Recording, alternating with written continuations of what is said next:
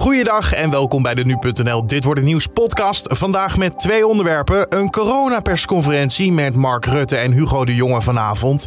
En voetballiefhebbers kunnen weer genieten. De eredivisie gaat weer van start. Dat allemaal zo. Eerst kort het nieuws van nu. Mijn naam is Carne van de Brink en ik hoop dat je niet gelooft in uh, ja, een ongeluk. Want het is vandaag namelijk vrijdag 13 augustus. Het ministerie van Volksgezondheid heeft voor het komende griepseizoen 600.000 griepprikken meer besteld dan vorig jaar. Toen werden er al fors meer prikken besteld vanwege een uh, verwachte hogere opkomst, maar ontstonden alsnog tekorten. Enkele doelgroepen werden destijds gevraagd om afstand te nemen van hun prik. Volgens het ministerie zijn dit jaar naar verwachting voldoende griepprikken ingeslagen. Toch is lang niet zeker of er zoveel prikken uiteindelijk nodig zijn. De Taliban zou ook de stad Kandahar in het zuiden van Afghanistan ingenomen hebben. Dit is na de hoofdstad de grootste stad van het land en diende eerder als officieuze hoofdstad van de Taliban voordat de beweging werd verdreven. De Taliban verovert in rap tempo gebieden op de Afghaanse regering. De opmars van de jihadisten valt samen met het vertrek van de internationale soldaten die jarenlang voor enige rust zorgden in Afghanistan. De vader van Britney Spears stopt na 13 jaar als haar toezichthouder. Dat meldt entertainmentwebsite TMZ op basis van juridische documenten. Britney wil af van het curatorschap van haar vader en was daarom een rechtszaak begonnen tegen hem. De zangeres werd 13 jaar geleden onder curatele gesteld na een mentale inzinking. Haar vader bepaalt sindsdien wat ze met haar geld of bezittingen kan doen. En hij stemt nu volgens TMZ in met het verzoek om terug te treden, omdat de publieke strijd met zijn dochter niet het beste voor haar zou zijn. Wanneer hij precies terugtreedt, is niet bekend. In de Britse havenplaats Plymouth zijn zes mensen overleden bij een schietpartij. Het gaat om drie mannen en drie vrouwen. En de politie bevestigt dat de vermoedelijke schutter een van de dodelijke slachtoffers is. De politie spreekt van een ernstig vuurwapenincident, maar gaat niet uit van een terreurdaad. Wat er precies is gebeurd is nog onduidelijk. Vuurwapengeweld komt in Groot-Brittannië maar relatief weinig voor. En de Nederlandse clubs zijn succesvol in Europa. Zo is het Feyenoord weer gelukt ruim te winnen van FC Luns in de voorronde van de Conference League. De Rotterdammers wonnen de return met 3-0 nadat ze vorige week met dezelfde cijfers te sterk waren voor de Zwitsers. Torstra, Sinisterra. Sinisterra ruimte vinden en afdrukken. Goeie goal weer, vroeg in de tweede helft. 3-0 pikt hij weer een doelpunt mee. Sinisterra. Zo was te horen bij ESPN. Daardoor zijn ze door naar de play-offs en dan moeten ze spelen tegen Elsborg. Ook Vitesse heeft de play-offs bereikt. Ze wisten gisteren te winnen van het Ierse Dundalk en moeten het nu opnemen tegen Anderlecht. En dan kijken we naar de agenda van vandaag. Oftewel, dit wordt het nieuws. Vanavond weer een coronapersconferentie. Mark Rutte en Hugo de Jonge zullen rond 7 uur duidelijkheid verschaffen over diverse zaken. Bijvoorbeeld het nieuwe schooljaar. We weten al dat de MBO en hoger onderwijs komend schooljaar gewoon open kan zonder de anderhalf meter. En ook eendaagse festivals. En komen er meer vrijheden voor de horeca. Dat allemaal horen we mogelijk vanavond. Collega Julian Dom sprak erover met politiek verslaggever Edo van der Groot. En vroeg of het kabinet iets heeft geleerd van eerdere persconferenties. Nou, ze in ieder geval hebben geleerd dat als ze een fout maken en ze komen tot dat inzicht, dat ze dat ook ruidelijk toegeven. Want we hebben natuurlijk gezien dat eind juni werden behoorlijk wat versoepelingen doorgevoerd. Uh, dat leidde tot heel veel besmettingen en uh, uiteindelijk ook weer boze reacties.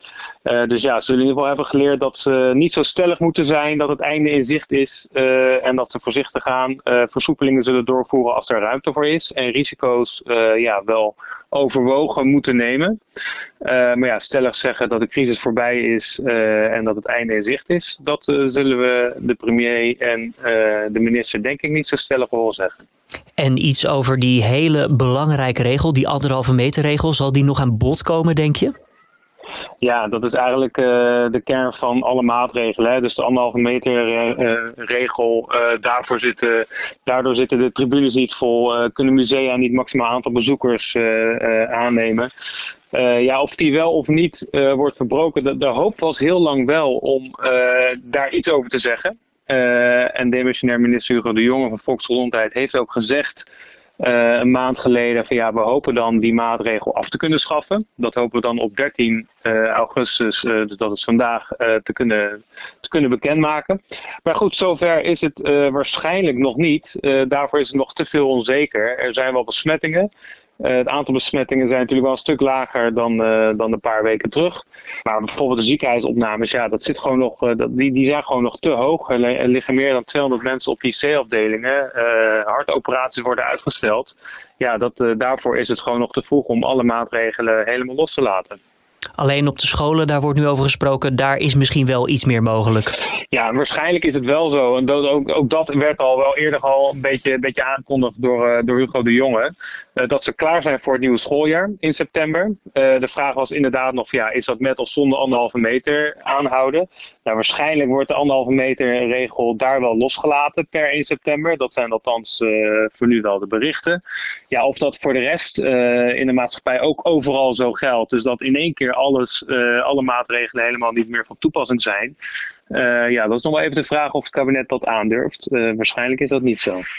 Zeg, nou hebben we ook het woord weegmoment meerdere keren gehoord. Uh, wat wordt daar nou mee bedoeld? Want deze persconferentie zou een weegmoment zijn. Ja, eigenlijk omdat, uh, zoals ik net ook al zei, hè, dat deze 13 augustus, die stond echt al uh, wekenlang uh, in de agenda's van het, van het kabinet, dat er een besluit wordt genomen. Dat heeft eigenlijk te maken met het feit dat de maximale vaccinatiegraad dan min of meer wel is bereikt. Of dat ze in ieder geval zicht hebben op wat de maximale vaccinatiegraad wordt.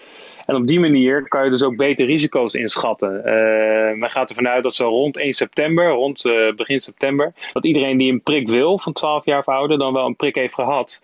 Ja, en dan weet je ook gewoon wat het virus doet uh, als je maatregelen loslaat en mensen zijn gevaccineerd.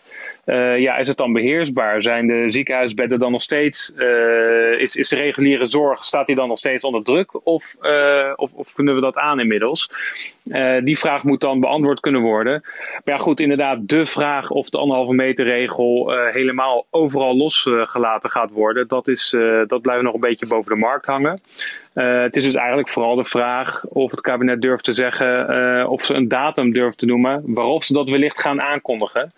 Uh, ik verwacht niet dat dat vandaag al het geval is. ja, behalve dat dat op het onderwijs waarschijnlijk wel zo is. Maar of dat de rest van Nederland ook zo geldt, dat, dat moeten we nog zien. Vanavond dus om 7 uur is de persconferentie te volgen in onze app en op nu.nl. En het voetbalseizoen begint weer. De Eredivisie gaat namelijk weer van start. Go Ahead Eagles trapt af tegen Herenveen. De divisie bestaat dit seizoen ook nog eens 65 jaar. En ja, met zo'n jubileumjaar worden er allemaal speciale dingen georganiseerd. Uh, zo uh, worden dit weekend in de eerste speelronde Willem II en Feyenoord tegen elkaar gezet. En SC Utrecht Sparta Rotterdam. Die wedstrijden stonden in 1956 ook op de agenda in de eerste speelronde. En ook is er een speciale bal waarmee gespeeld wordt waar alle clubs op staan die in de eredivisie hebben gespeeld. En landskampioen en bekerwinnaar Ajax trapt het seizoen af zaterdag in de Johan Cruijff Arena. Zij spelen dan tegen NEC. En met een sliding gaan we over naar het weer van vandaag. Wat gaat het worden? Je hoort het van Alfred Snoek van Weerplaza. Vandaag trekken er af en toe wat velden met vooral hoge bewolking over Nederland. Af en toe schermen ze de zon een beetje af, maar toch weet van tijd tot tijd de zon heel aardig door te breken. En het blijft vandaag overal droog. De wind waait uit een zuidwest of westelijke richting. Daardoor is het op de stranden maximaal een graad of 20. Terwijl dieper landinwaarts wat warmer is. Met langs de oostgrens op sommige plaatsen nog een maximumtemperatuur van zo'n 5 25 graden. Dankjewel Alfred Snoek van Weerplaza. En om af te sluiten nog even dit. Ja, we kopen fors meer kleding sinds de heropening van winkels. Kledingwinkels zagen hun omzet in het afgelopen kwartaal met maar liefst 40% stijgen ten opzichte van een jaar eerder. In geen enkele andere winkelbranche nam de omzet zo sterk toe. Bouwmarkten en keukenverkopers verkochten juist minder, blijkt uit cijfers van het CBS. Webwinkels zagen hun omzet opnieuw flink stijgen, alleen het zijn geen extreme groeicijfers meer. Dat lijkt voor nu even een plafond te hebben bereikt dus. En tot zover deze Dit Wordt Het Nieuws podcast voor de vrijdag 13 augustus. We zijn vanmiddag terug met de middageditie van de podcast. Dan heeft Julien ook even een ja, speciale huishoudelijke boodschap. Dus mist die niet vooral vanmiddag. En uh, dan zijn wij er maandag weer. Uh, ik wens je een heel mooi weekend en tot dan.